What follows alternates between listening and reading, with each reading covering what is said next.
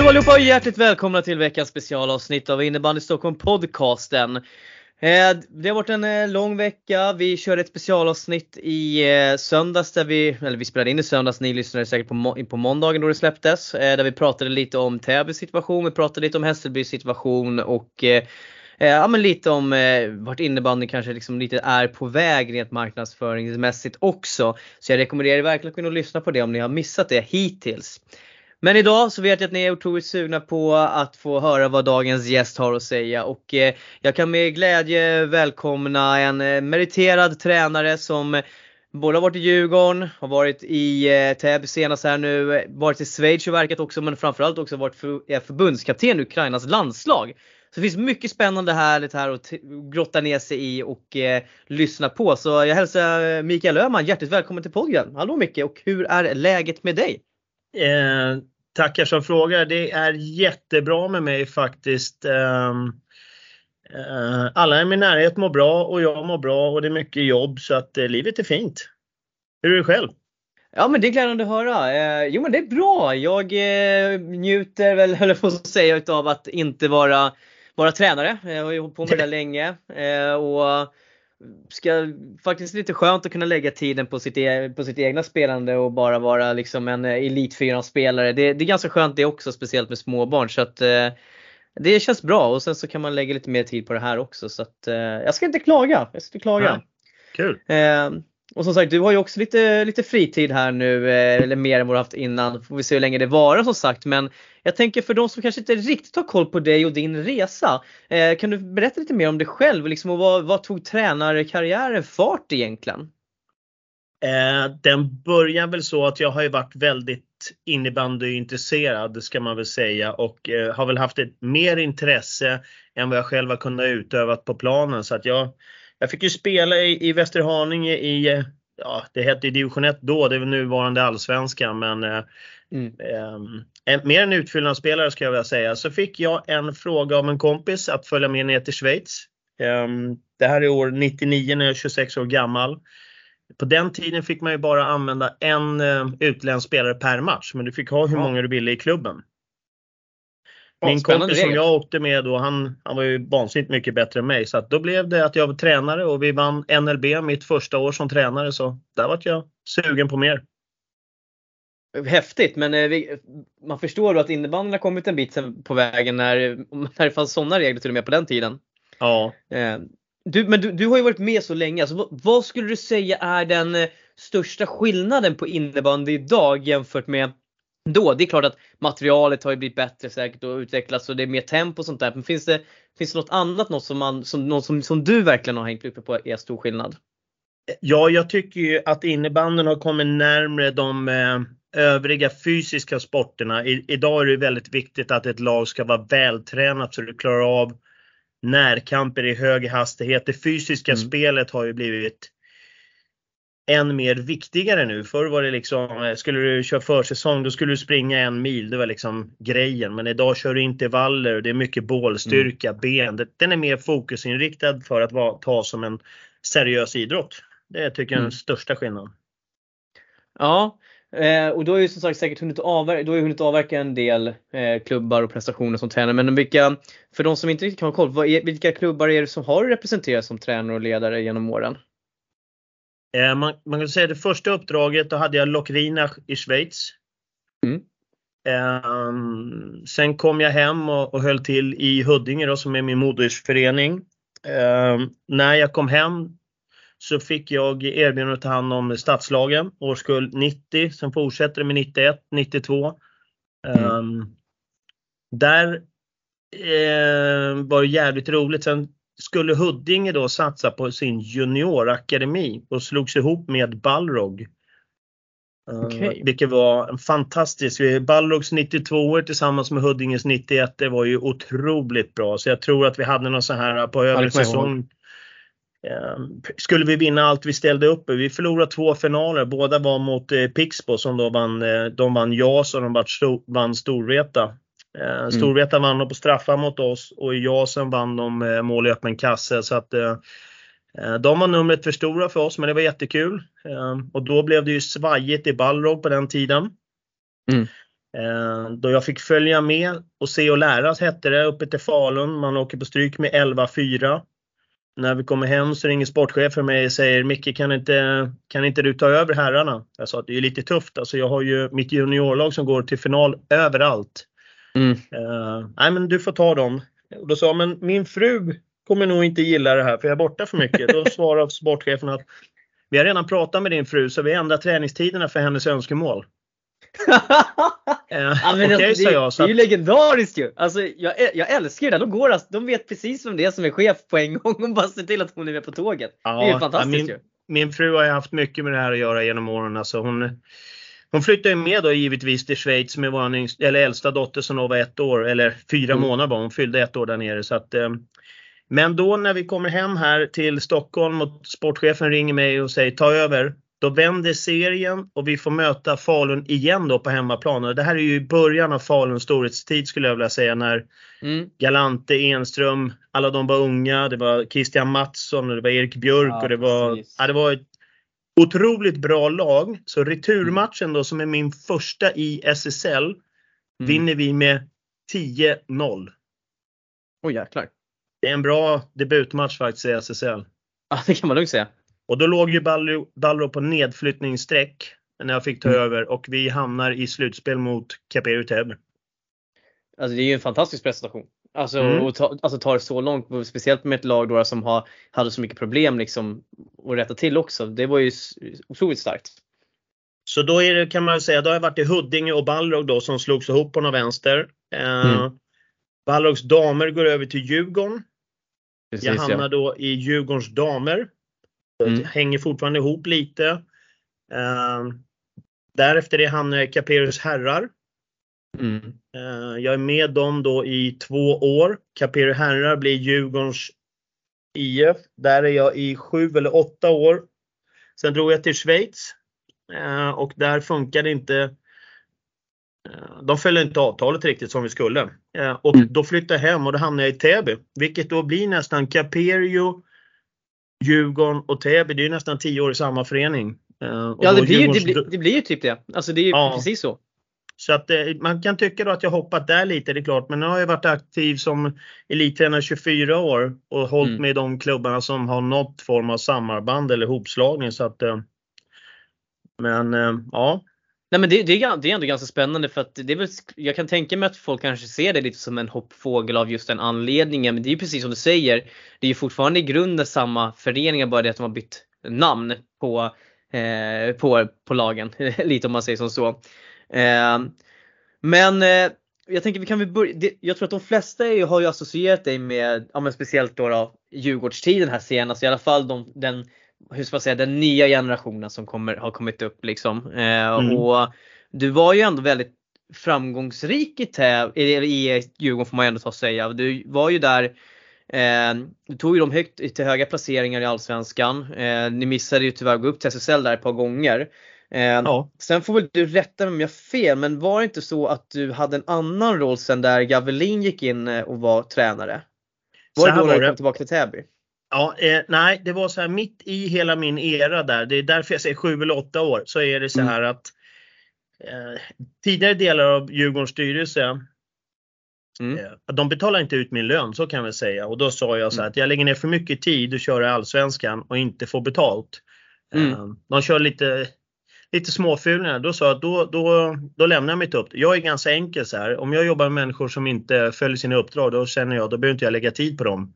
Eh, det är mm. väldigt enkelt. Eh, ja. Falska människor, de, de lägger, mitt, mitt liv är för kort liksom. Så att, då gick jag därifrån och då bytte mm. jag och Jonas Gavelin plats kan man säga. Så att jag hoppade ja. in i Älvsjö då under den här tiden.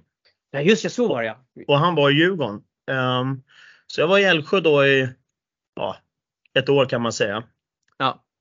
Um, jag kommer tillbaks till, och det här är jätteroligt, jag var ju då i Älvsjö, för dem till final i DM i bästa stadion, ja. precis. Ja, det kommer jag ihåg nu när du säger det. Lämnar och, och hamnar i Djurgården då istället. Så jag står på Djurgårdens sida i finalen och inför tredje perioden så leder ju då Älvsjö med 6-2.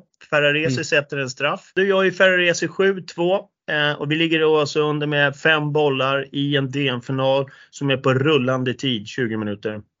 Ja, Men vi ja, vinner sista perioden med 6-0 så vi står som vinnare med 8-7. Det är ganska skönt att få knäppa Älvsjö på näsan där då, eh, i finalen.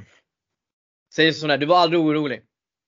Det är klart man är orolig men samtidigt vet man att de spelarna som jag hade där, Gavelin, mm. Karelisson, de har jag tränat jag har haft förmånen att få träna dem som 15 år, så jag, jag, jag har tränat dem i 15 år kan man säga. Så att eh, mm. man vet ju att det finns där. Är det några som kan vända matcher så är det de tycker jag. Så att, eh, Verkligen, och det, det har de ju bevisat många gånger. Ja definitivt, men nej, det är klart man var orolig men, men skönt. ja, Ja men eh, grymt. Ja men precis. Och sen så kom du ju tillbaka till Djurgården där. Eh, och vad var det, men eh, som du nämnde, stod på men vad var det som fick dig att, ändå för att det känns ju som att ni, ni eh, bröt upp och kanske inte helt, eh, alltså på, där ni inte var överens. Vad var det som gjorde att du kände ändå att okej okay, men nu kan jag kliva tillbaka till Djurgården ändå? Alltså vad var det som hade ändrats? Ny styrelse.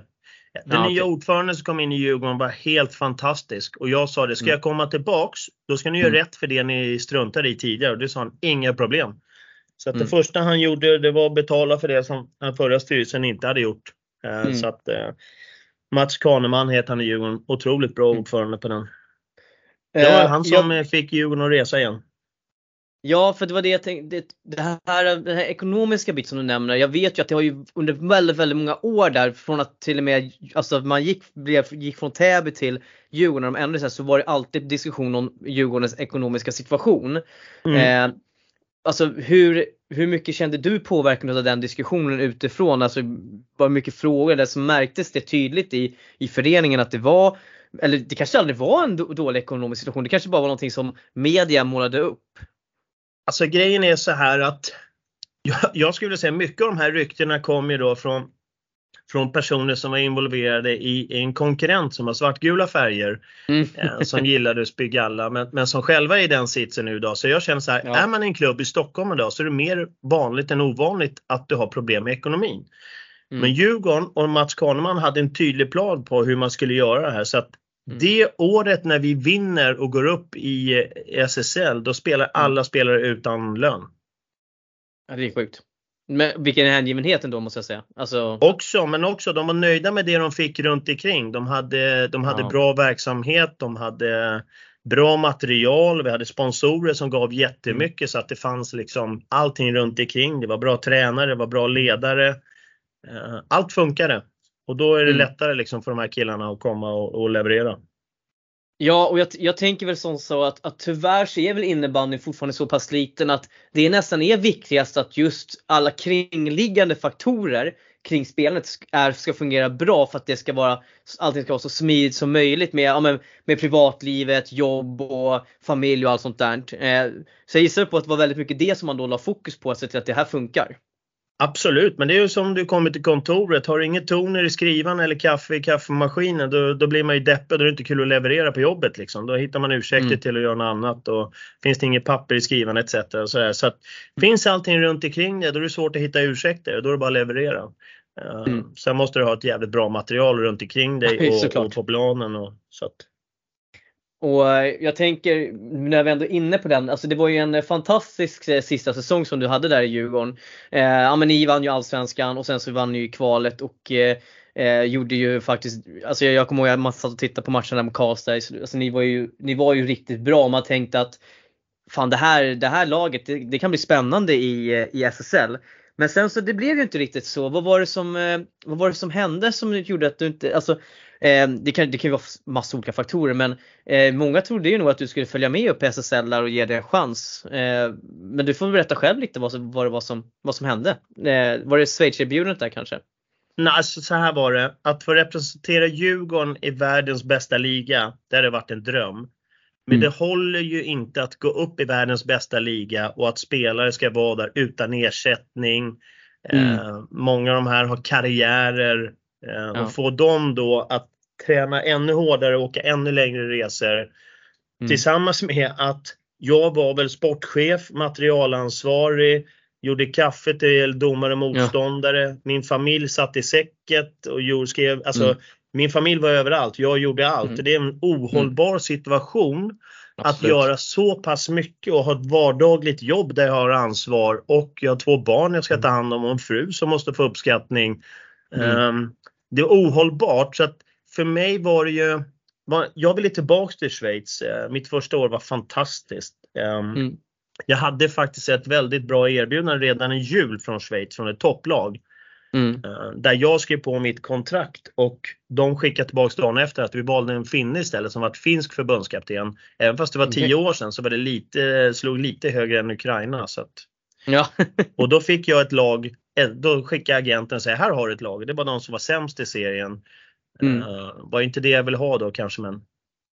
men du var, du var sugen på ett Schweiz-äventyr? Liksom, Mm. Igen. Ja, och det, det, det är ju inte konstigt. Alltså det är ju en annan kultur. Jag tänker vi ska komma in lite på den biten också. Men, men, då, men då tycker jag ändå det finns ändå en rimlig förklaring i så fall. Men det, det är väl klart att en person inte kan göra hela allt. För det vi såg var ju sen att att det var ganska många spelare som lämnade. Man fick ju ändå i och för sig ha kvar Chans, Kareliusson och Gavelinje blev skadad tyvärr första året där. Men man märkte ju att det var någonting där för de, åkte inte, de följde inte med på alla bortamatcher och sånt där. Så då, då, tyck, då förstår jag liksom ändå någonstans att det då kanske fanns en ersättningsproblematik som gjorde att det inte var värt att bryta upp eh, det privata livet för att åka på långa tråkiga bortamatcher till, till Umeå och eh, dylikt.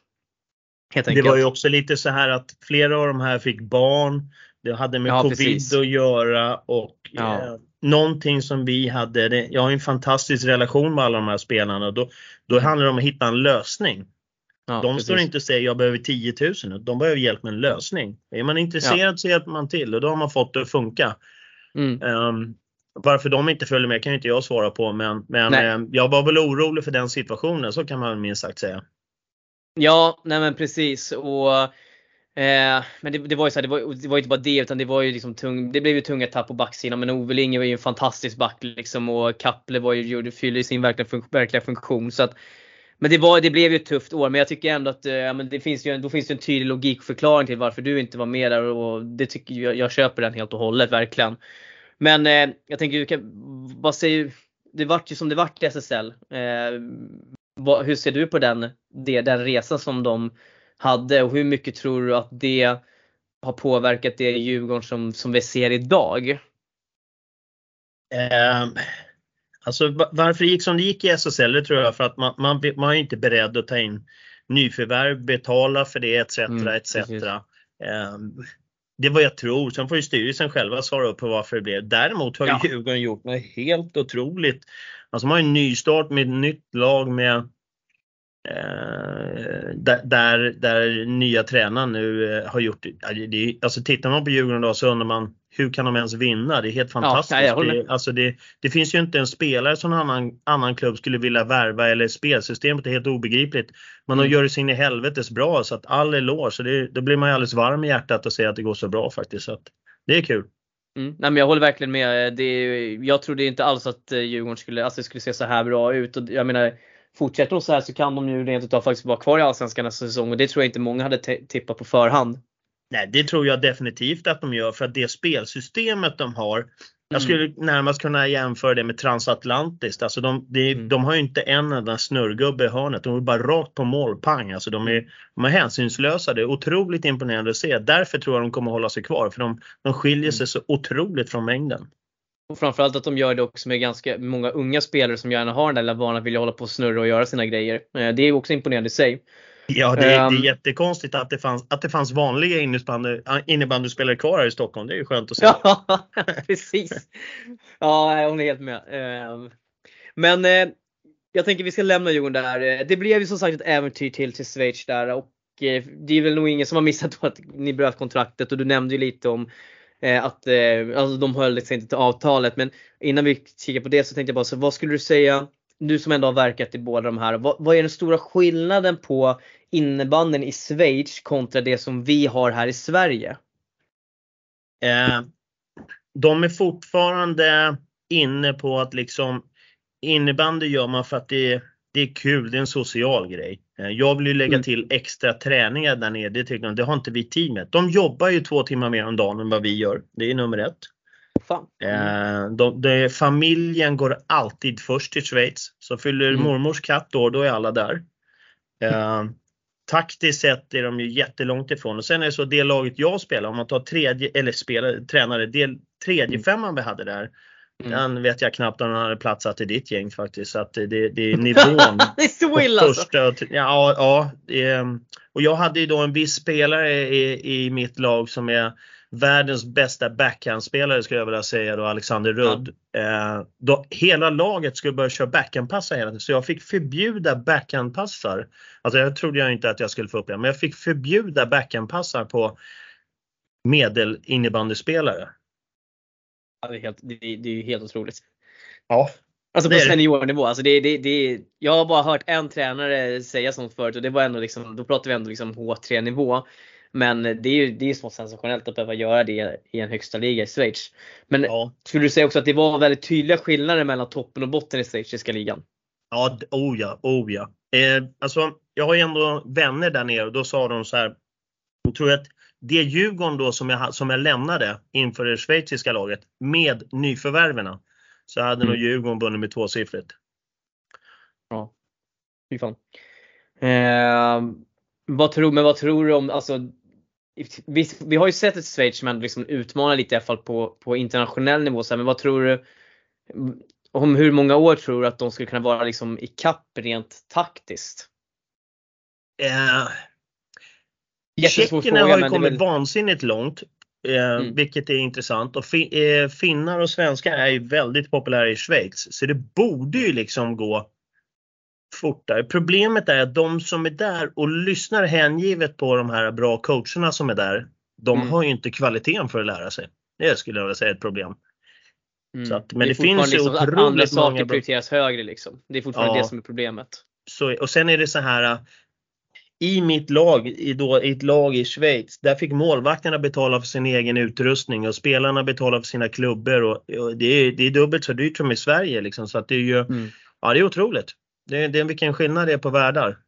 Ja, verkligen. Eh, det är mycket, då förstår jag liksom också att det är mycket svårare att få ihop liksom hela alltså slagkraftiga lag och sånt där också när det är så många andra förutsättningar utifrån som trycker på också. Ja, det, det är eh, och det, det, är ju tyvärr ett hinder för ja, framförallt kanske då elitverksamheten att fortsätta växa men även för gissar på att det är dyrare för ungdomar och juniorer och sånt också att spela vilket gör att den utvecklingen blir hämmad också. Ja, men så att de, de, har ju alltså framförallt det som brister, det är ju det taktiska kunnandet. Jag brukar säga när jag var där första året, då tyckte jag om de inte hinner ikapp en spelare och tar, eh, tar genväg, alltså om, om, du bågar runt så kan jag igenom och möta dig när du ska gå och mm. skjuta. Det gör man inte där. Då går man ut och springer istället en mil till för att bli snabbare så man hinner ikapp den här spelaren. För att Schweizarna är väldigt väluppfostrade och artiga människor mm. men fuska är ju inte, det får man inte göra. Och du får inte Nej. säga något dumt åt någon. Men, men att springa en genväg på en öppen plan det är inte att fuska, det är ju bara att vara smart. Men eh, där har de ju lite struktur och det var så första året när jag var där då, då är det så på en bortamatch då sitter man och dricker saft och äter bullar innan match och då har vi fått lära oss i Sverige att sockernivån ska inte vara på topp innan du går ut liksom en timme innan. Eh, och då brukar man ta upp det här. Det är därför ni aldrig vinner någonting i Schweiz liksom. Ja men Federer mm. vinner. Ja men det är en människa men det är inte Alltså det finns ju inget ja, annat precis. sport ni är bättre på liksom. Så att, mm, på planen skulle det vara sex stycken som ska leverera. Ja, inte bara faktiskt. en person. Ja. Ja, men spännande. Men som sagt, eh, du, ni bröt kontraktet. Eh, ja. eller, och eh, där som du sa för att de inte efterlevde sina eh, de villkor eller det som ni hade kommit överens om. Eh, men hur, hur, känd, hur kändes det Alltså den situationen för då, det var bara jag av hem till Sverige då igen och om jag inte missminner mig så körde du väl ingenting sen den resterande delen av den säsongen eller om du, du får påminna mig här med, här med ute och cyklar? Nej, det, lite grann för att jag kom hem i november mm, eh, och när halva allsvenskan hade gått så tog jag över Täby. Så var det. De har ju tagit fyra poäng och det var ju sån här jag gillar utmaningar. Hade jag lyckats hålla dem kvar då hade jag väl hamnat i Guinness rekordbok. Och ja. faktum är ju att näst sista matchen möter vi Hudik borta. Den var vi tvungna att vinna mm. eh, för att möta eh, Sätra på hemmaplan som var utslagna. Mm. Vi leder med 5-1 inför sista perioden men drar på så jättemycket utvisningar, 2 plus 2 och allting. Så vi förlorar mm. med 6-5 mot Hudik. De håller sig kvar och vi åker ur i den matchen. Ja, så det var mycket känslor på spel. Så, att, eh, nej, så jag gick till Täby då Mm. Så det var där Täby-storyn började. Ja exakt eh, och som sagt det var ju ett det var ju tufft läge där men jag kommer ihåg det när du säger att det var ju jag vet att vi satt och pratade om det att när, inför den där sista perioden att fan det här är Täby kanske grejer det här nu ändå. Och sen så blev det liksom lite, ja men korthuset föll ihop typ. Eh, och då blev det, det är svårt att göra mål när du är en man mindre också. Och sen möter ja, du då Hudik som har Ja, de har ju fruktansvärt powerplay med Jackie Jonsson och Halvars och det här gänget. Så att, ja, ja. ja. Verkligen. Eh, men eh, det blev ju Täby och eh, förra säsongen så får väl ändå jag förstår att det säkert var en besvikelse över att ni inte gick upp men ni vart ju ett topplag. Eh, det kändes som att ni verkligen hade någonting bra på gång. Vi fick se unga spelare som Spåls, eh, eh Albin Engström och Emil Björkman verkligen liksom ta kliv och blomstra och det kändes som att det, kändes som att ni ändå mådde väldigt, väldigt bra. Eh, vi kan väl börja med där, alltså hur, hur, hur såg du på förra, den förra säsongen? Alltså den var ju precis som du säger och vi hade många unga, de ville satsa, de ville gå framåt. Eh, när, vi inte, när vi åkte ur Allsvenskan så säger sportchefen då, uh, Robin Andersson, att vi ska fortsätta satsa, vi ska, vi ska försöka komma tillbaks direkt. Mm. Uh, och, och, Det var en bra säsong, det var en rolig säsong. Vi förlorade mot Tyresö.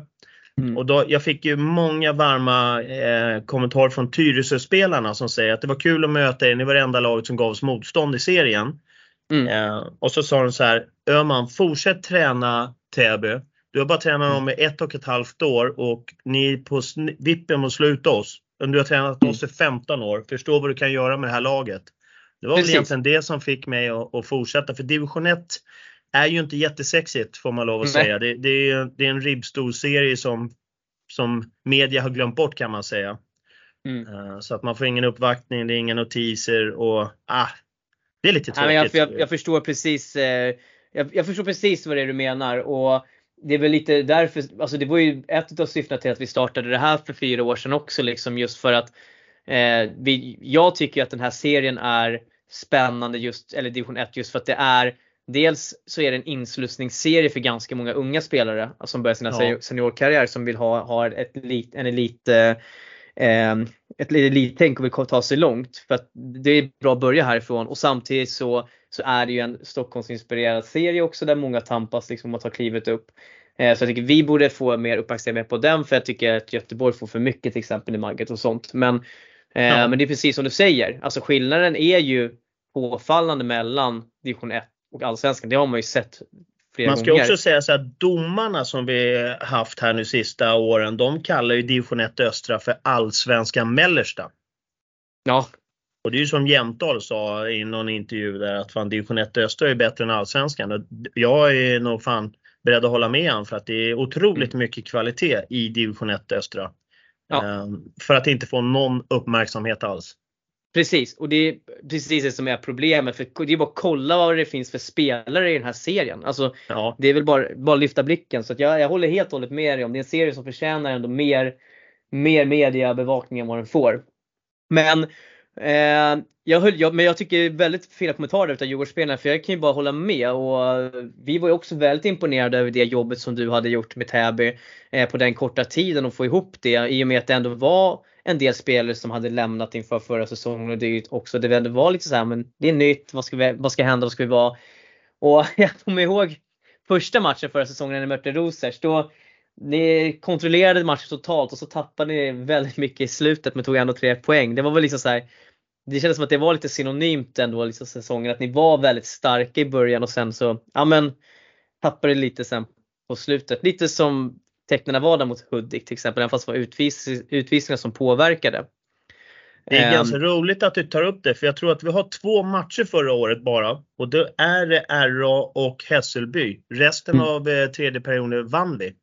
Det är ganska mm. roligt men eh, det, det, är de tapperna som syns väldigt kraftigt. Så att, eh, men det var väl lite så, det är så här, när du spelar med väldigt unga spelare som inte har mm. varit med det här. Jag menar, Möter man Tyresö i kvalet så Karre han går in och är, han, han är inte stressad över att ligga under med en boll när det är fem minuter kvar. Han, Nej. han vet att han behöver en chans så är det lika. Li en mm. Patrik-chans eller en målchans så är det, så är det lika i matchen. Eh, ja, det är inte de här unga spelarna. De måste få lära sig det. Men, men det är helt mm. otroligt att vi hade 3-0-3 eh, i startfemman och en 0-2 och sen eh, mm. En 93 faktiskt i, första femman i, i division 1 Östra. Det, det, det, ja, det, det är, är man glad över. Ja men det, det är jätteimponerande. Eh, och det var där som jag, eller i alla fall vi, vi trodde ju väldigt mycket på, på Täby här nu inför den här säsongen. Eh, och att det, nu ska ni ta liksom nästa kliv. Eh, men eh, det började ju lite, lite hackigt som sagt eh, i, i serien ändå. Eh, jag, vill, jag tycker du kan väl få förklara, berätta själv lite om hur du, din upplevelse var av den tiden som du hade i Täby här nu i början. Eh, den, är ju otroligt enkel att summera. Det är ju så här att eh, första matchen mot Acker så har vi ju Jonte Spåls, Albin, eh. William Almlöv, alltså vi har ju sådana spelare borta. Eh, mm. Vi är flera. Vi är eh, Hampus Högman, eh, knät ja. borta. Eh, så vi hade ju fem startspelare på två femmer borta, varav då kanske ettan, tvåan, trean i rankingen i laget. Ja. Eh, det, är lite väl mycket tycker jag när du går in i matcher. Nykomlingar som är hungriga och bara Ackers gjorde ett fantastiskt jobb, kan inte säga något ont om dem men, men jag tror att vi hade kunnat stått upp annorlunda med fullt lag. Men så här mm. ser det ju ut och då får man använda sig. Har fina, jag säger fortfarande vi, men det, det var fina juniorer som hjälpte till den matchen. Eh, mm. Och så, så har det sett ut. Tyvärr Jonte Spårs är väl hemma i covid, fortfarande sjuk. Eh, mm. Emil körde den första matchen sjuk, Emil var borta den andra, då körde Jonte sjuk. Nu är han borta mm. en lång tid så att starten, resultaten har ju mer att göra med vad Alltså man har ett lag och då, ja. då, är man nöjd med alla spelare man har värvat. Men när mm. toppen försvinner och du får fylla på med juniorer. Det blir som du tar bort 1, 2, 3, 4, 5 och fyller på med 21, 22, 23. Det, det gör ja. ju att du inte har lika slagkraftigt lag. Tar du bort någon i mitten då är det lite annorlunda. Men här är det ju liksom det var ju våra poängkungar som var borta. Eh, mm. Hela powerplay var ju borta. Det är jättesvårt att gå in och leverera. Så resultatet har mer att göra, skulle jag vilja säga, skador och, och sjukdomar mm. än, än något annat. Eh, laget var ju precis detsamma som förra året och vi kör vidare, precis. haft en bra försäsong. Och, så det, det var mer det. Däremot är det väl kanske lite mer oroväckande att se de här två sista matcherna nu när spelarna är tillbaka och man möter de som är sist i tabellen och man vinner med ett mål på bortaplan och två på hemmaplan. Ja precis. Det skulle jag vilja eh, säga är värre. Ja, men det, jag kommer att komma in lite på dem eh, också här om när du får se. Men jag tänker att vi, vi måste ju då ändå liksom ta elefanten i huset här. Du, eh, förra veckan så ja, men fick vi ju se, Täby gick ut och sa att ni har valt att gå skilda vägar. Mm. Och det här hände ju strax efter att de även hade tagit eller vinkat av Robin Andersson då som sportchef. Ja. Och jag tänker, jag skulle börja vilja med att fråga så finns det Eh, vi har ju trott att det kanske finns en koppling mellan de här två situationerna. Eh, men är ditt beslut baserat egentligen bara på det som de, du och Niklas Ljungman kände? För även Ljungman fick ju lämna som sagt då, då som var din assisterande coach. Var det kopplat lite till det som hände med Robin också eller är det här två helt, ska man se det som två helt separata händelser? Det är två separata, separata händelser men det är kopplat till det som hände. Job, Robin fick ju avgå på grund av arbetsbrist. Och då kan man tycka det är väldigt konstigt när han är sportchef i världens största förening hur man kan ha lite att göra. Ja. Uh, det är det väl en sak. Och där, och där då går ju Täby ut hem, man har en omorganisation. Mm. Och det är väl den som gör att jag och Niklas väljer att inte vara med. För att vi, väl, vi har ju valt att vara kvar i division 1. Sportchefen mm. då, Robin Andersson, säger att vi satsar vidare. Vi värvar spelare och motiverar Albin och Jonte och Emil att vara kvar i division 1 när de får erbjudanden mycket högre upp. Precis. Eh, med, med den eh, då inriktningen från början så satsar alla och sen kommer då, får jag prata med Brinkman så säger han så här, men ja, vi väljer en annan väg att gå nu. Eh, vi, vi ser satsning på olika sätt. Jag tycker då att en satsning i år, när det är sista chansen för sen blir det jättesvårt att gå upp. Då satsar man ja, all in precis. i år. Medan då Brinkman tyckte att eh, nej, vi kan väl köra med våra egna produkter. Det är inte så viktigt. Det är inte så viktigt att vinna i år. Det, det går bra att vinna om fem år. Uh, då säger jag så här, då får du gå in och ta det här med, med laget för vi har samling nu på, uh, imorgon måndag. Då vill jag att du mm. går in och berättar för hela laget att vi byter målsättning och inriktning. För det tycker jag, mm. det, det, ska en klubbchef säga till laget. Det, det är hans Absolut. uppgift. Eh, mm. Att föreningen och styrelsen har tagit ett nytt beslut. Ja. Eh, vi pratade om det på dagen, jag och Brinkman, och han kommer till våran samling. Han går in, ställer sig i konferensrummet, öppnar sin dator vid podiet och hela rummet fylls av spelare. Och då säger mm. han, Öman, kan jag få en minut med dig utanför? Ja, absolut, säger jag. Så säger han så här, vi tar det här eh, en annan dag istället. Eh, kör din genomgång istället. Okej. Okay. Ja. okay. så att hela laget ser ju Brinkman stå där inne, lämna rummet och gå ut. Och jag får då köra min matchgenomgång och de frågar vad tog han vägen? Varför är inte han kvar? Ja, nej, ja. Han, han ville berätta något men han får ta det sen säger jag. Alltså, rubbar ju, rubbar ju fokus ganska, fokuset ganska mycket då också. Ja, men jag undrar liksom vem står och ska berätta något och lämna därifrån. Då fattar hela gruppen att det är något som svajar liksom. Ja, ja absolut. Um, han kommer ut till mig när träningen börjar. Då är det fystränaren Kenny som håller i träningen. Så kommer han ut till mig och sa Åh, hur gick det där då? Man sa, det, gick, det gick helt åt skogen. Alltså, du lämnar ju mig själv där inne. Vad är det som händer? Mm. Ja, nej, men då börjar vi diskutera allting och så säger han det här är inte rätt forum. Nej, det är helt rätt, men, men vi gör så här. Imorgon får du komma tillbaka med en lösning till mig hur vi går vidare för jag är inte med på den här nivån när jag ska vara nio-lärare i division 1. Det är lite osexigt. Jag, jag känner ju att jag är här för att vi ska satsa. Och nu har ni tagit bort sportchefen och ni tar bort målsättningen. Det gör ju att förutsättningarna ändras otroligt mycket. Och då sa jag, mm. då vill jag att vi hittar på en lösning. Och då ringde Brinkman dagen efter och sa, okej okay, Micke, vi gör så här, vi, eh, vi går skilda vägar. Bra. Mm. Och sen så ska de då prata med Niklas och säger han så här, nej jag väljer att inte förlänga. Eh, jag kliver också av. Så jag och Niklas klev av. Um, mm. För att det, förutsättningarna ändras. Så sa jag, det här kommer bli repressalier för nu, nu kommer ju liksom spelarna vilja lämna för att det är inte heller vad de skrev på för. Och då säger Brinkman, det är inga problem. Vill någon lämna så hjälper de härifrån. Där får vi se vad som händer. Odebring la av direkt. Eh, Ekeberg valde att gå tillbaka till Vallentuna där han tycker liksom, ska jag spela för det sociala då kan jag vara mina polare i Vallentuna. Mm, ja, mm. precis. Ja, så att eh, jag respekterar styrelsen och, och, och, om de vill ha en ny väg att gå. Jag tycker det är ett konstigt tillfälle att ta det nu när det är sista året och sista chansen innan serierna görs om. Men... Ja, alltså och precis. Alltså, och jag, har, det här, jag var inne lite på det här i det avsnittet som vi släppte senast. Att jag tycker att hela tillfället som man väljer att göra det här på är så, är så fel. Alltså mm. nummer ett så man har haft en försäsong där det har varit mycket fokus på Täby. Man liksom ham, lyckats hamna liksom i blickfånget. Man har fått upp en jättefin damtrupp till SSL. Robin har gjort, gjort ett jättebra jobb där. Eh, vi har herrarna som kommer ändå från en väldigt bra säsong med ett ungt lag som ska ta nästa kliv. Eh, och man ska satsa liksom. Det är mycket media, det är, punk, det är, det är snyggt, vet, det är liksom upphausat man har det här elitförberedande grejen för juniorerna. Det är mycket bra med Täby. Mm. Och att det, det, här sen kommer bara några omgångar in på säsongen. Dels att Robin eh, får gå för arbetsbrist från världens största innebandyförening, vilket är jättekonstig motivering bara det i sig. Eh, och sen så att ni lämnar, det, är liksom, det sätter ju någonstans ett en, nu sätter vi en stämpel på Täby. Nu kommer man att se Täby i ett annat schema. Man kommer ha koll på dem av andra anledningar. Istället för att man ska titta på det här, du vet, det positiva, den här utvecklingen som ändå har skett det här senaste året får man kanske säga då. Mm. Eh, så jag, jag, fatt, jag, förstår faktiskt verkligen inte överhuvudtaget varför man väljer att göra det här nu och att man inte tar det här i så säsongen. Och jag tycker du lägger fram ett jättebra argument också det kommer bli svårare än någonsin att gå upp till Allsvenskan och jag tycker att Täby som världens största innebandyförening och Stockholms lok som man ändå ska vara, ska vara ett lag som ska satsa hela tiden mot att vara i SSL med den storleken man har.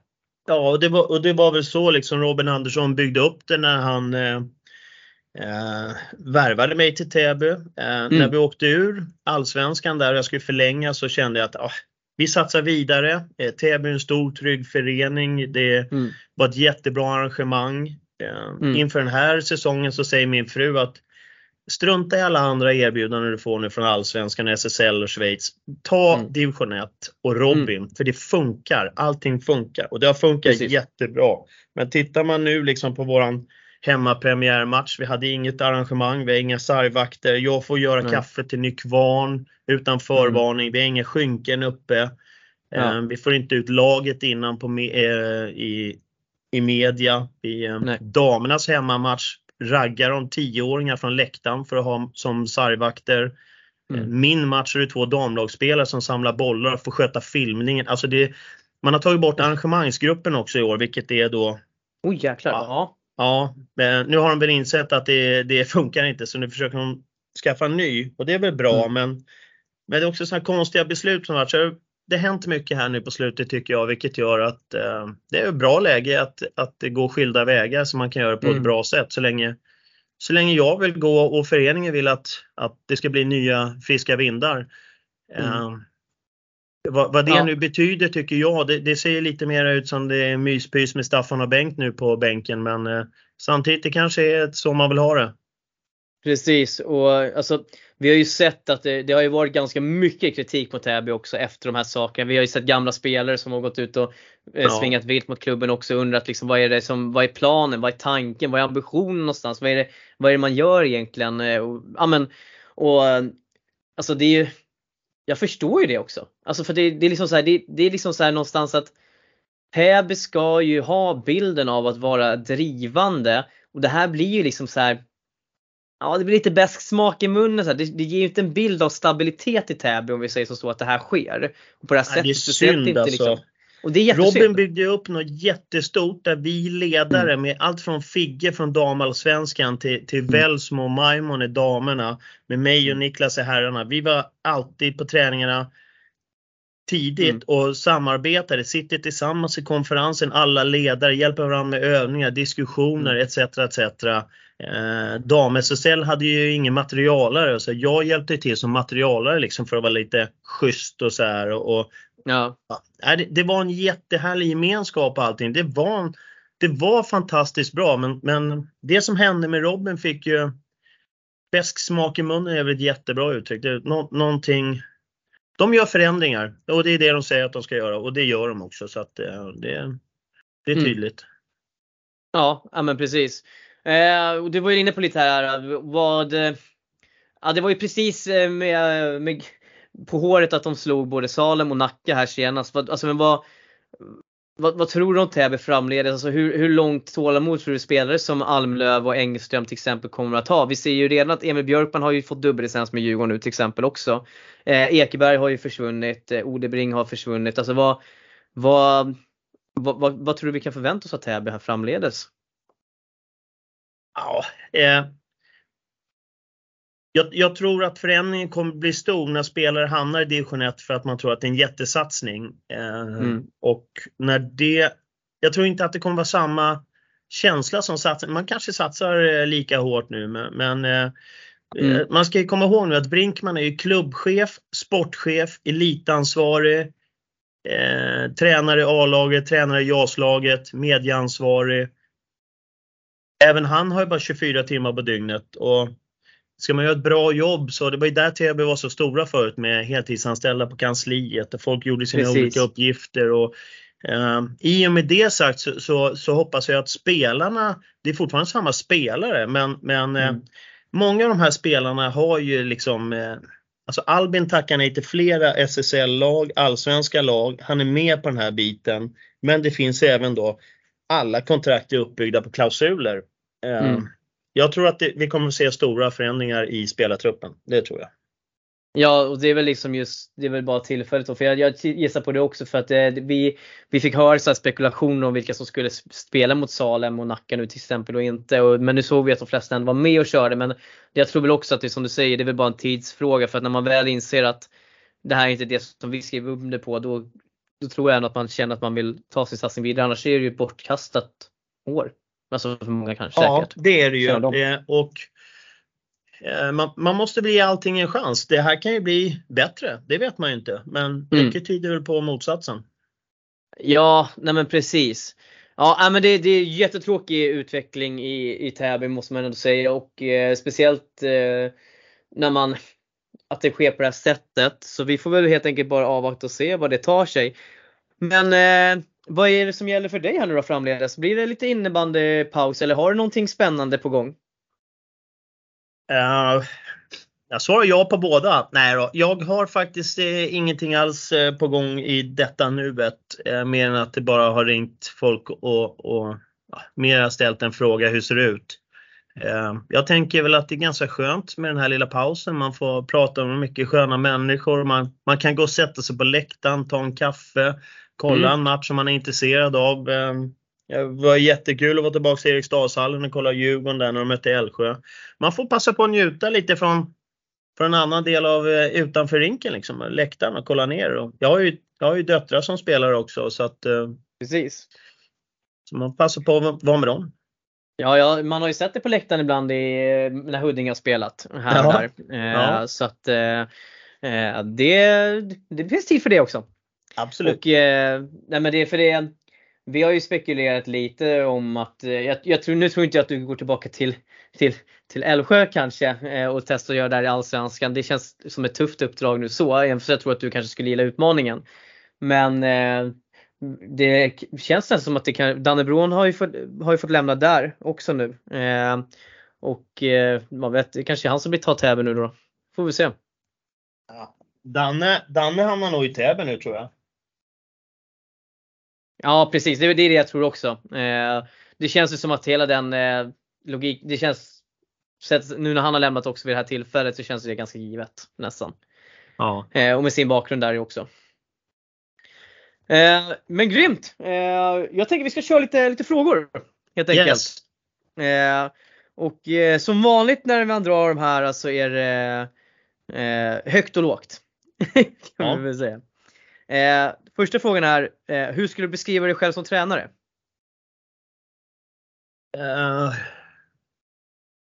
tydlig tror jag. Um, um, jag höll på att säga hård och tydlig. Eh, tror jag på en sak så vill jag att man ska utföra den grejen. Men jag, jag tror också att jag har väldigt högt i tak. Så när man, mm. När man jobbar tillsammans med en, det var det som var lite synd nu med Täby. För när du börjar komma in i den här över ettårsperioden, inne på år två, nästan tre, då, då känner man varandra. Då, då, då är det högt mm. i tak. Då kan du ha kul. Då vet man liksom du kan sväva runt i, i rätta zoner så att säga men, men eh, tydlig tror jag att jag är som tränare. Ja, och det är ju det är ett, det är ett bra karaktärsdrag. Det, det behövs ju tydlighet eh, i, ledarskapet så att det, det är väl ett eh, superbra.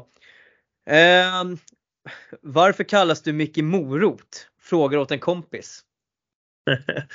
ja, eh, aj, jätterolig fråga. Det var när vi var i Schweiz så blev jag kallad för Micke Mordhot av en viss Alexander Röd när vi sprang runt och skämtade. Då trodde Oliver Forslind att han kallade mig för Micke Morot.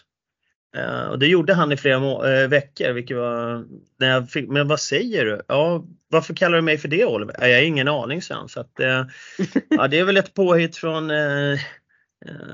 Alexander Rudd. Eller ja, Oliver som hörde fel. Så att, ja, rolig fråga. Ja, spännande hur det kan, hur det kan vrida sig. hur många tavlor bränner du på en säsong? Faktiskt jag tror... ingen. Jag tror aldrig jag haft sönder en tavla på fullaste allvar. Alltså jag tycker det är helt fantastiskt här att höra. Vi har ju haft poddkollegan Ströbis här som menar på att du är en expert på att ta sönder taktiktavlor. Ja, jag, vet jag... Att, jag vet att han har sagt det, eh, vilket är jättekul. Men jag, jag har nog aldrig, jag till exempel har en specialdesignad tavla som jag byggt själv som Binge gav mig tips om en gång i tiden som åker med land och rike runt. Så att, eh, nej, jag har nog aldrig haft sönder en tavla faktiskt. Ja men det tycker jag, det, det, det var nog en viktig dementi här tycker jag faktiskt. Ja. Eh, för din skull. Ja tack. eh, ja, här var det varför du fick lämna Täby men det har du ju redan varit inne på. Eh, och det är väl bara, vi kan väl bara säga att det, det ändrade förutsättningar som du Niklas ja, Det var ju någonting jag valde själv ska man väl säga till att börja med. Ja. Så att, eh, jag, jag gillar inte den nya vägen man ska gå. Helt Nej. enkelt. Och det är superbra, det är bra att det blir förtydligat också tycker jag. Eh, ja. Eh, vad gillar du mest? Powerplay eller boxplay? Man gillar väl alltid powerplay bäst liksom. Men... Ja men i Djurgården, året vi gick upp, då vill jag nog fasiken säga boxplay för jag tror Karre chans nog att spela plus i boxplay. Året vi vann och gick upp i, i, eh, i, i eh, TSSL. Jag tror att de spelar plus ett i boxplay. Eh, och då är det ju häftigt. Alltså det är ju något berusande och verkligen adrenalinaktigt när man, får, när man gör mål i boxplay. Det, är ja. ju något, det gör ju någonting med en. Ja, jag, jag svarar nog boxplay där då. Snyggt! Det, ja, men det, det, det, det där gillar jag. Man ska försvara eh, sin borg, det är viktigt. Ja, verkligen. Vilken är den bästa spelaren du tränat? Uh, väldigt svårt att säga, men jag skulle vilja säga det finns ju olika, olika kvaliteter. Jag säger Patrik Karelisson och Sebastian Gavelin. Jag måste ta två. Det är helt två olika karaktärer. Men den ena, den ena har ju ett bollsinne som... När Rudd var och körde en provträning med Djurgården och fick spela med Karre så säger han så här att det här är den första killen jag spelar med hela mitt liv som har ett riktigt spelsinne. Mm. Så Karelisson och Rudd tillsammans, det var ju något magiskt att se. Men, men Gavelin har ju någonting, det är ett kärnkraftverk som... Jag nämnde båda två. Mm.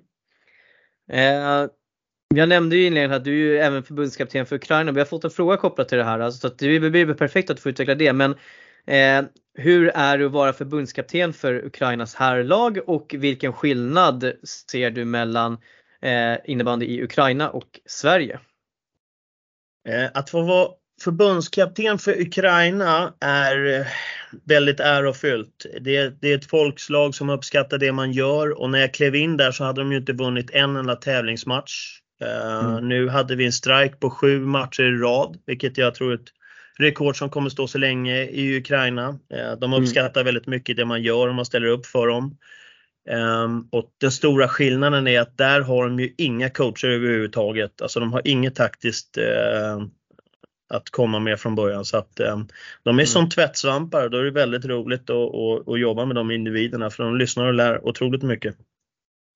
Ja men spännande och jag, jag, tycker, jag, tycker om, jag tycker det är så otroligt viktigt liksom också att det att de är coacher som du som ändå är liksom på en hög nivå som kan mycket, kan ändå vara i de här länderna och nationerna och bidra med så mycket. Det är ju sånt som får innebandyn att växa också. Mm. Eh, och, men jag, jag, jag blev sugen på följdfråga där. Eh, hur, hur funkar det liksom i, i det här uppdraget? Alltså är det mycket liksom resa till Ukraina? Hur, hur är det med att titta på när de spelar kanske utanför landslaget? Alltså hur, hur funkar de bitarna rent praktiskt? Eh, det var ju lite lättare innan kriget bröt ut där, för jag har ju varit förbundskapten ja. i fyra år nu och då var vi och reste runt ganska mycket där. Eh, mm. Också otroligt stort land så att de kan ju inte ha ett vanligt seriespel. De får ju ha kuppspel istället när de reser runt. Ja. Alltså nattåget i 40 timmar för att ta sig oh, till, till en stad och spela. Så då kör man turneringar där. Så man kan följa det på TV. Jag ska vara riktigt ärlig så är det väl inte något värdefullt för mig att kolla på deras matcher på TV. Nej. Lite dålig kvalitet på både sändning och spelare så att det gör ju ja, det gör ingen skillnad där. Däremot så det är ju fantastiskt. Jag har ju en egen chaufför och tolk och det när vi träffas och de är hängivna och spelarna mm. som har det var unga spelare när jag kom dit. De är ju nu dryga 20. Många är nu tack vare, eller på grund av kanske vi ska säga, kriget så har de då flytt många och mm. hamnat i Sverige, Polen, eh, Slovakien, så att eh, där utvecklas ju de och spelar andra ligor, vilket är väldigt bra. Ja, men vad tror, och en följdfråga till, jag tycker att det här är så intressant, men vad tror du, eh, när, det, här är jättesvårt att se men när tror du vi kan få se till exempel Ukraina börja utmana om en plats i, i ett AVM till exempel? Eh, ja, alltså man hoppas ju i närtid om vi får lite andra förutsättningar med tanke på kriget. Mm. Men vi hade ju en turnering i Västerås där vi möter då eh, Island, Storbritannien och Holland som då är eh, lag som slåss om den där platsen. Och vi slog ju ja. alla och vann turneringen. Eh, då mm. de tycker att vi borde varit med i VM-kvalet i år för att vi har blivit, eh, jag har ju tränat laget i fyra år nu och då ger det ju lyckligtvis effekt. Så att eh, ja Um, vi borde, vi borde om, om vi har en, en normal situation i världen så att vi också kan åka till vårt land med träningsläger och allting så borde man ju rimligtvis eh, om två VM kunna knacka på dörren tycker jag. Där killarna har varit med länge. Mm. Ja men spännande. Eh, vi har ju sett till exempel ett, ja, som Polen som ändå lite så här smått smyger sig på. Eh, och jag kan väl tänka mig att det fortfarande är, är mycket taktiskt gnuggande i Ukraina men att det ändå finns liksom en hyfsad grundfysik i alla fall. För jag upplever ändå att Balkanländerna är ganska starka ja, i alla fall. De, de, är jättebra där. Det som är kul tycker jag då med Ukraina och ha det laget, det är att det bara är ukrainare. Och tar vi Storbritannien mm. så är väl liksom 50% svenskar om det inte är mer. Ja, Nederländerna är likadant. Island har ju flera svenskar.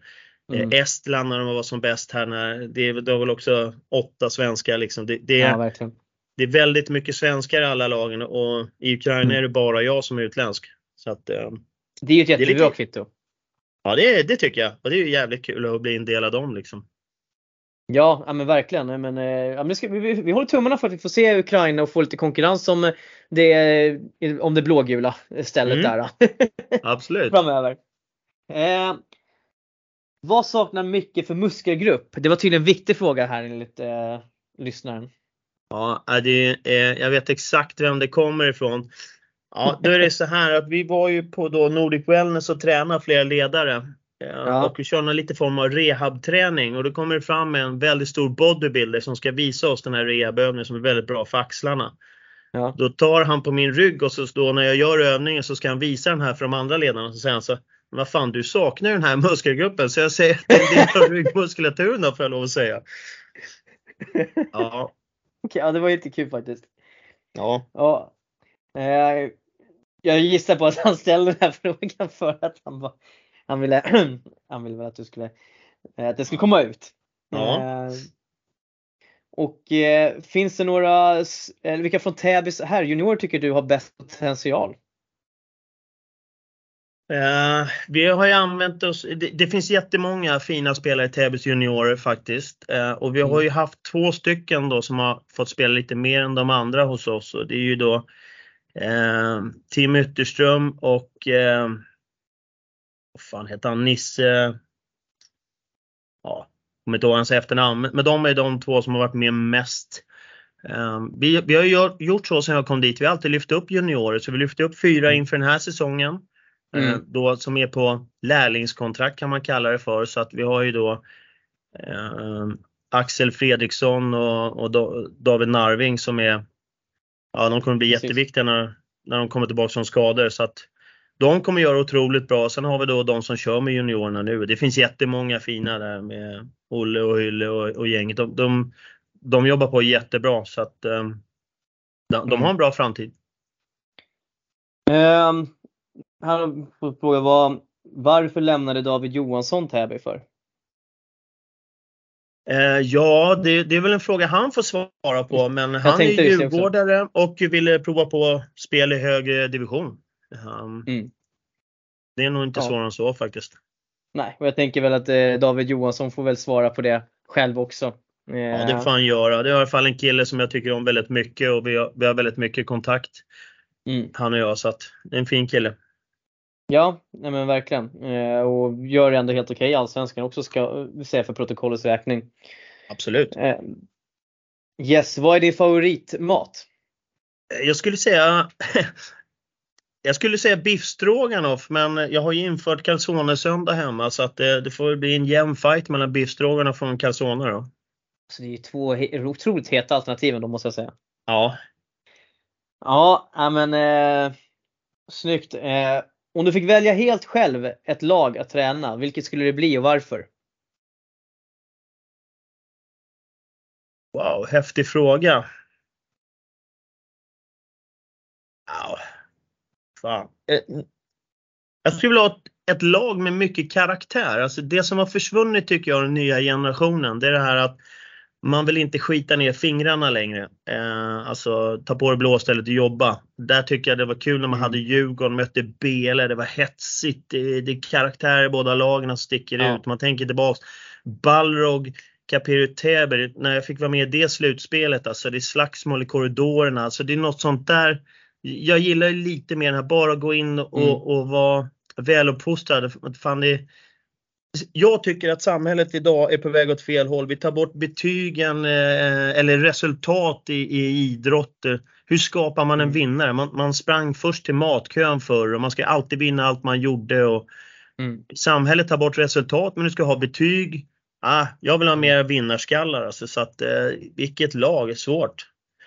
Ja, alltså det skulle ju, det skulle ju vara kul att se till exempel ett lag som har lite spelare som men, ja, men Thomas Brottman som han var då, typ, ja, framförallt Dannebron Sundbom också. Det är så här riktiga spelare som kan gå en på nerverna och komma under skinnet. Är, jag kan faktiskt hålla med dig lite där, att man saknar lite de där den typen av känslor, den här, den här typen av småjävlighet om du förstår vad jag menar liksom i, i matcher runt omkring. Eh, ja, det, vi fick ju en ny kille till Täby William Malmlöv. Helt ja. otrolig spelare. Han älskar honom. Det är fantastiskt. Det, Det måste han ju vara en sån gubbe. Kalmar du älskar ditt lag, du hatar att möta. Han ja. måste ju vara en sån. Men jag tror att han lämnade Kalmarsund på grund av sin tränare där eh, och gick mm. då till Linköping. Eh, ja. Den tränaren han lämnar för är nu hans nya tränare så att det blir en intressant eh, det, blir, det, det blir intressant att följa, ska jag säga. Ja, verkligen. Eh, vi börjar komma mot slutet här men eh, då får jag fråga också, vilken är den bästa målvakten eller målvakterna som du har tränat genom åren? Eh, där, alltså, det finns ju lite olika historier. Först tycker jag då Ramsin när jag hade Annika Peru, det var en helt outstanding. Men sen är det också så här uh, Adebeckius och Chippen som jag har fått varit med mm. i 15 års tid. Uh, jag, jag, tycker att den vackraste målvaktsstilen att titta på det är ju Chippen. Uh, mm. Sen Addes utveckling att gå från höga dalar till låga, eller uh, låga dalar till höga toppar till att bli liksom ett monster i kassen. Det är också jävligt kul att se. Så att, eh, jag har haft väldigt många bra målvakter och jag menar Odebring är också en vinnarskalle. Så det finns många bra. Måste jag välja en så säger jag Chippen. Mm. Ja, men, eh, och när Chippen var på toppen av sin förmåga, han var ju fantastisk målvakt och det där målvaktsparet var ju otroligt bra alltså många år. Ja. Eh, och jag tyckte det var kul att du nämnde Ramsin för jag tycker att när han kom fram så var väl han lite så här, det var väl lite, han var väl, revolutionerade väl lite målvaktsspelet också med, sin, med sitt aktiva spel eh, som han hade i kassen. Ja. Om jag inte missminner mig. Definitivt. Eh, och sen helt svarta målvaktsdressen som han körde också. Alltid. Sydde upp egna ställ. Ja, det var ja. roligt. Ja, profil. Eh, ja men eh, Grymt, det var inte sista frågan som vi hade från lyssnare. Så att du, ska ha, du har en sista utmaning som du ska få göra som alla våra intervjupersoner får göra. Och det är att du ska göra en drömsexa. Och eh, nu tränar inte du något lag längre så att jag tänker som så här att du får fria tyglar och sätta ihop din egna drömsexa. Åh oh, shit, det vad härligt. Jag har ju tränat eh, Nykvarns 94 är det Jasen också, det glömde vi där någonstans eh, ja. när jag var mellan Djurgårdens damer och Caperio eh, med Valdemar Ahlroth och hela det gänget. Det är ju glidare och vi förlorar en final. Alltså, ni kommer aldrig bli något bättre om ni inte spetsar till er liksom och tar det här på ja. allvar. Det har ju de gjort kan man säga med Macke Jonsson och de här. Men Minst Men det var också en fin intervju med Niklas Oström som gick till Nykvarn. Vilka är det värsta femman du har mött? Då svarar ju han Gavelin, Chans Karelisson och Daniel Thorsson. Och sen kan du lägga till vem fan du vill. Mm. Um, ja, jag, är, jag är väl beredd att stå där någonstans. Uh, de fyra, Chippen i kassen. Adam Kimström på, på vänsterbacken. Alltså den, den, alltså den, den femman är ju brutal. Alltså den kvaliteten. Det är ju absolut en femma som inte hade gjort bort sig på SSL-nivå. Nej, och det är kanske tråkigt. Sen, sen är det ju så här, jag hade Rudd och det finns ju ingenting han inte kan göra det han är bäst på. Vi går mm. ut och spelar en golftävling i Schweiz, han spelar på banans par och, och han och jag spelar några runder och ranchar en gång. Eh, mm. Han spelar pingis mot, mot några, slår, alltså, alltså, han är bra på allt han gör så att mm. han vill man kanske trycka in någonstans också men eh, jag håller mig till mina Djurgårdsvänner. Ja men det är lugnt. När du plockar keeper kan du få slänga en rudd. Ja, så, gör, så spetsar vi till det. ja det är, ändå, det är ändå ganska fair ändå. Ja. Eh, ja men du Micke, jag har faktiskt inte så mycket mer än så. Eh, utan det har varit eh, jättespännande faktiskt att sitta och lyssna på dig och din resa och dina tankar. Jag tycker och hoppas också att du själv känner att du har fått förmedla en eh, bra bild av dig. Eh, för det tycker jag i alla fall att du har lyckats med. Ja, tackar. Det, det är väl så jag vill framstå någonstans. Liksom. Hård men rättvis. Ja, nej, det, det är helt rätt. eh, nej, men eh, med det sagt så eh, till våra lyssnare så eh, hoppas att ni har haft en trevlig lyssning och att eh, ni nu får ha en eh, trevlig helg så säger vi hej då! Hej!